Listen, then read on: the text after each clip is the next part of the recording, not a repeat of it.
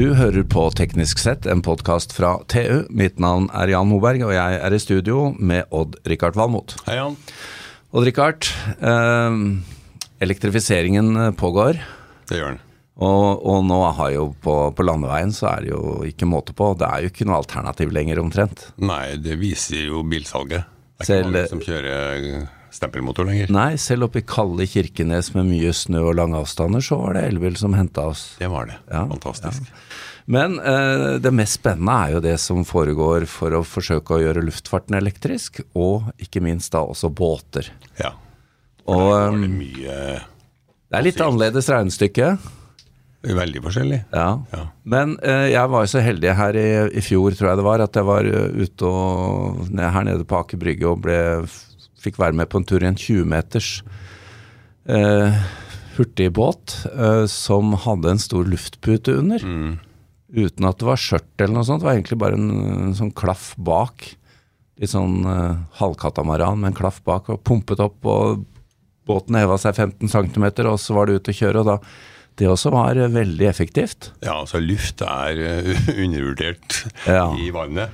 Og så ser vi jo da at eh, der hvor det skjer, hvor vi får opplevelsen av at det skjer, det er jo sånn som f.eks. på svenske Candela, som vi har vært med å prøve.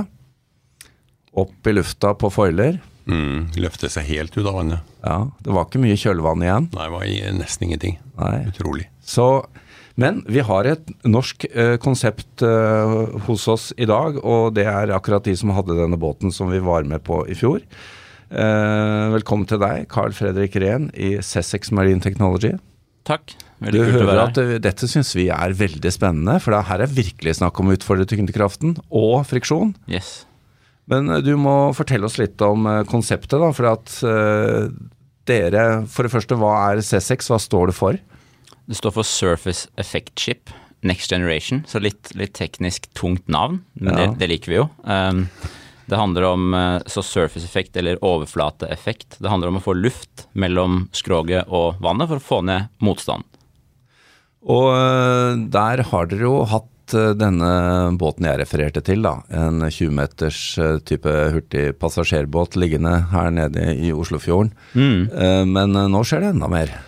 Ja, nå, nå er det egentlig full, full gass på fullelektriske båter i flere segmenter. Så vi jobber med lystbåter, arbeidsbåter, crew transfer og passasjerbåter nå. Og når eh, Nå, nå har dere en Er det en 28 fots eh, fritidstype båt som er ute på vannet? Riktig. Vi har, eh, I fjor så bygde vi en, en 28 fot fullelektrisk long range eh, prototype for disse mindre, mindre båtene. Så vi har en, en 20 meter også som dere har vært med på. Og dere må selvfølgelig bli med på den nye vi har. Absolutt. Begge to begge er fullelektriske, og vi kommer til å lansere nå veldig raskt. Det er allerede i, i offentlig, men et samarbeid sammen med Frydenbø, som eier Nordkapp og Sting. Og da kommer det faktisk eh, lystbåter fullelektriske med vår teknologi. Eh, veldig lang rekkevidde, som blir klare til å bestille og sannsynligvis leveres neste år. Du verden, jeg har jo en Nordkapp, så jeg skal, ta frem penna og så drar vi ned og skriver. Du, eh, dette er jo egentlig ikke ny teknologi. Altså Hovercraft har jo su- surra rundt på luft siden krigen. Og så har det vært masse sånne forsøk uten at det har virkelig slått gjennom. Så jeg syns egentlig det er rart. Hvorfor har ikke jeg kommet før? Ja, godt, godt spørsmål. Det er det, det, er det alle, alle lurer på. Men, men både hydrofoil og, og luftklassen av teknologi eh, kom egentlig etter andre verdenskrig og, og har blitt benyttet i forskjellige varianter på forskjellige drivstofftyper. Militæret bruker eh, CESS i dag. Ja, her i Norge òg. Mm. Men det er Altså jo med Navy. diesel, da. Det er med diesel, ja. Og da kan de kjøre veldig fort, veldig langt på diesel. Ja, for det er jo viktig å, å si her at uh, dette konseptet dere lanserer her, er jo ikke nødvendigvis slik at det må være elektrisk eh, fremdrift, men dere har valgt å gå for det. Eh, riktig. Så vi er jo et lite selskap om å, om å prioritere våre ressurser. Og jeg brenner veldig for nullutslipp, og det er veldig gøy å, å være med og dytte den bransjen i riktig retning. Ja, for det handler om å få ned energiforbruket. Eh, Og en båt, en vanlig båt bruker jo fryktelig mye energi. Ja. Alle som har fylt på marinaen de siste, har jo merka det. Eh, Men det kan også brukes på store eh, tankskip og containerskip. Og, Ja, riktig. riktig. Så um, litt forskjellig liksom akkurat hvordan de eh, lufttypene er designet opp. Både på hvilken, hvordan skroget er utformet, om det er kompressor eller en slags vifte som leverer Ja. mye volum. Men luft mellom skrog og vann funker på containerskip, oljetankere og små hurtiggående fartøy. Så det vi har klart for kommersialisering nå, det er mindre hurtiggående fartøy. Og det funker også på altså sånn eh, Vi løser hovedsakelig problemet med energiineffektiviteten for planende fartøy.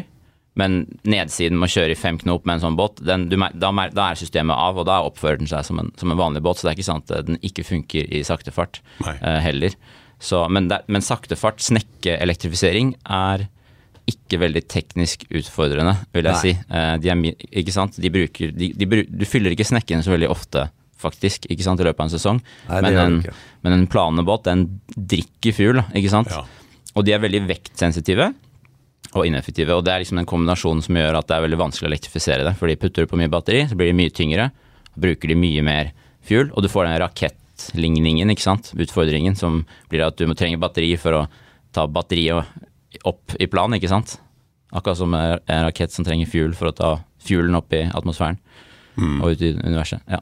Ja, det er, eh, det er mange, mange ting som skal effektiviseres på den der reisen. Jeg må bare spørre deg, Carl, hvor uh, Jeg regner med at de store pengene for uh, det, uh, den type konsepter ligger jo egentlig ikke i fritidsbåtmarkedet, men dere går inn der nå likevel.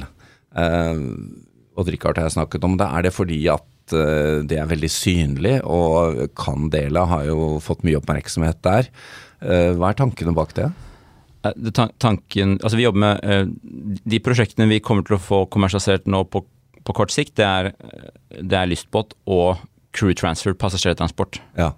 Så typisk mot oppdrett som kjører inn og ut til merdene eller andre. Ja. eh, men ikke sant, store passasjerbåter er styrt av statlige eh, tenderprosesser, ikke sant? så det er litt annen dynamikk på hvordan det markedet er.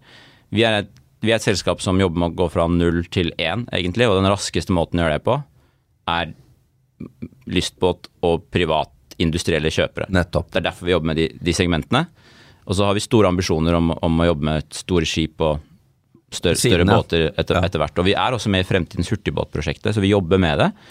Og vi, ja, så det er et statlig finansiert prosjekt. Altså Det selges jo veldig mye fritidsbåter, selv om kanskje salget har dippa litt nå. Jeg tenker veldig mange som kommer altså til båtplassen med elbil, eh, føler at eh, dette, nå skal de ta et skritt tilbake i tid. Yep. Så jeg tror at mange er villige til å betale for å få kjøre båten på strøm. Nå, nå snakket Odd Rikard om seg selv, egentlig. Eh, så igjen. men, men Carl, du må fortelle litt om regnestykket her. Eh, ta, ta det segmentet som uh, Odd Rikard representerer, da, med en fritidsbåt med 150 hestekrefter bak, eller 200-300, jeg vet ikke jeg. Ja.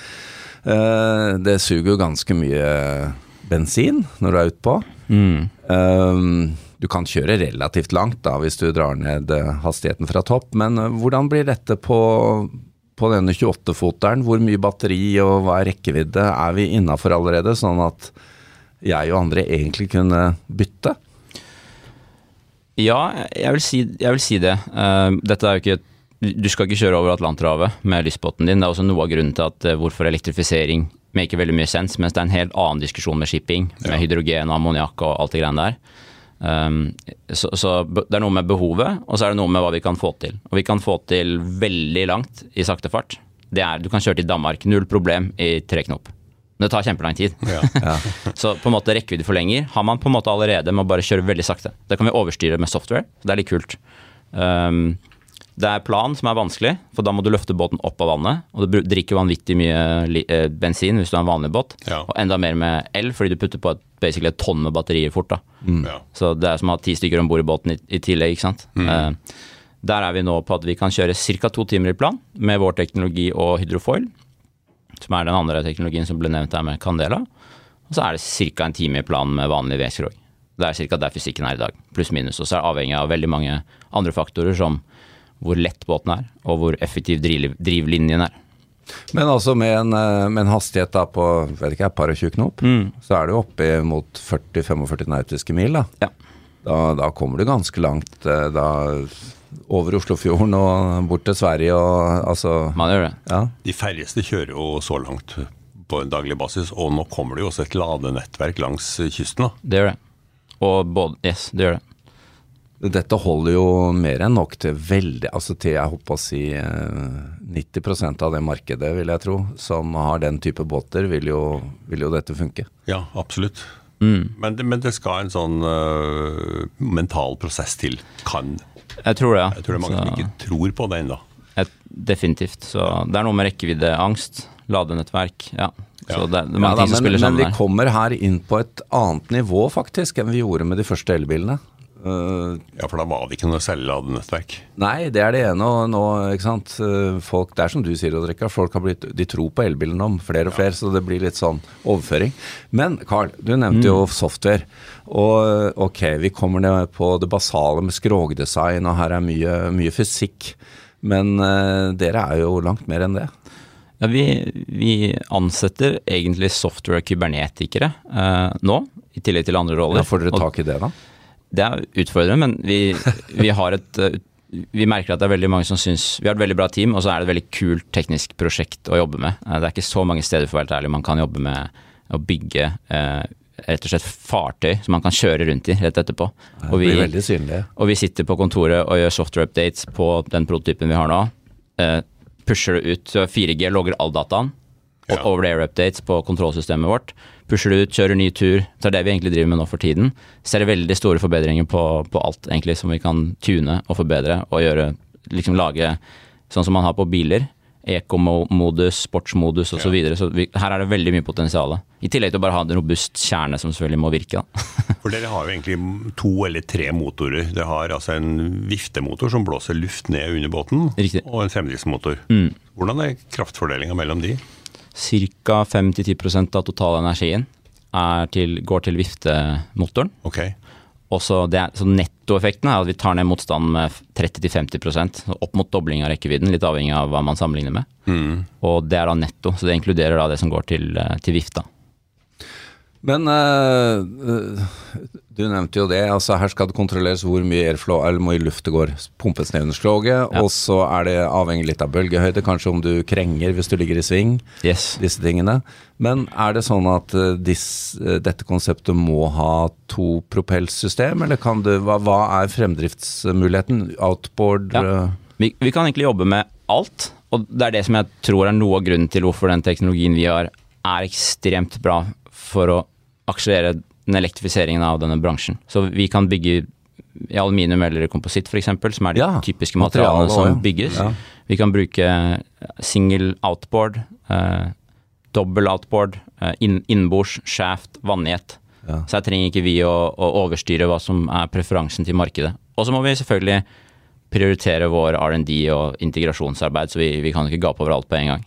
Nei. Men vi har eh, På de båtene vi har på vannet i dag, så har vi innenbords og Volvo, altså sånn typisk Mercury innenbords. Uh, vi jobber med outboard-løsninger, som har fått veldig mye requests på spørsmål fra markedet. Og så har vi Volvo Penta Pod på den 20-meteren som dere var om bord på. Sånn IPS, som det kalles. Mm. Ja, det, er, eh, det var veldig spennende. Og eh, nå har jo du egentlig, eh, skjønner jeg, oppsummert eh, det, er, det er vel en eh, tre-fire punkter som oppsummerer hvorfor dette er genialt. Og det kan du jo godt uh, oppdatere oss på. Ja, så yes, jeg er jo tidligere konsulent, så jeg liker å prøve å syntetisere opp ting og prøve å forenkle det. Så jeg, jeg tror jeg begynte selskapet litt her fordi jeg, jeg så at vi kunne Dette kan skalere. Dette er en veldig enkel og robust løsning. Bransjen trenger det, ikke, ikke superkompliserte ting som ikke funker. Jeg tror vi kan potensielt få til den beste rekkevidden per kostnad i bransjen, fordi vi har en energieffektiv løsning i bunn som dobler rekkevidden og eh, vi kan ta ned kostnadene. Vår løsning er veldig enkel og lite kostnadsdrivende. I hvert fall når vi får i gang volum. Å kjøpe, lage en prototype, det er ikke billig. Det, det vet vi alle. Eh, Det er to bevegelige deler. Det er en vifte i front og en, et skjørt bak. Eller ja, en luke. slags flap bak. Ja, Ja, ja. Men vi, vår, våre komponenter er ganske enkle og kan gjøres veldig billig. Og så kan vi muliggjøre bruk av masseproduserbare bilbatterier. Og det er de som blir billige fremover. Ja. Så vi kan ta ned kostnadene, og vi kan ta opp rekkevidden. og vi kan skalere med, med infrastrukturen som finnes. Vi skal ikke bygge båter, vi skal samarbeide med båtbyggere. Vi skal ikke finne opp nye proporsjonsløsninger. I hvert fall ikke ennå. Så vi samarbeider med de som gjør det allerede i dag. Men du, det her må jo faktisk funke på en vanlig båt også. Å Å få luft, eh, luftassistanse på, selv om du har en gammel poengsmotor. Ja, pr- prinsippet funker. Og så er det jo selvfølgelig Eller sånn, hva mente du, bare en, en, en Ja, lystbåt, eller? Ja. en tradisjonell båt i dag Ja. ikke sant, med poengsmotor. Mm. Får, du, får du ned energiforbruket med 30-50% så er jo det Absolutt. gull verdt for Så- boka. Ble du utålmodig nå, Rikard? Ja, vil ha en mellomløsning. Vi får legge til, eh, Carl, at du har jo doktorgrad i marinteknikk, da, og har jo holdt på både med space og med annet, så du, du har jo en eh, Dette må jo være gøy for deg òg? Det er utrolig gøy. Ja. Det er kjempegøy, rett og slett. Så, Gøy å gå på jobb og, og, og smile. Vi, eh, takk for at du kunne komme innom oss. Det ble på kort varsel. Vi skal følge med, vi. Og dette er jo eh, spennende, Odd Rikard. Og det skjer i Norge. Det er, ja, Ja. det kan ikke bli bedre. Nei, dette er jo for verdensmarkedet. Vi har veldig lyst til å vise um, alle der ute som er interessert båten vår. Vi har den i Oslo. Den ligger på Aker Brygge akkurat nå, så det er bare å ta kontakt. Vi har redningsvesten klar. Ja. Takk til deg, Takk. Carl Fredrik Rehn, eh, CEO i C6 Marine Technology. Takk til Odd-Rikard Valmot og vår produsent Sebastian Hagemo. Mitt navn er Jan Moberg.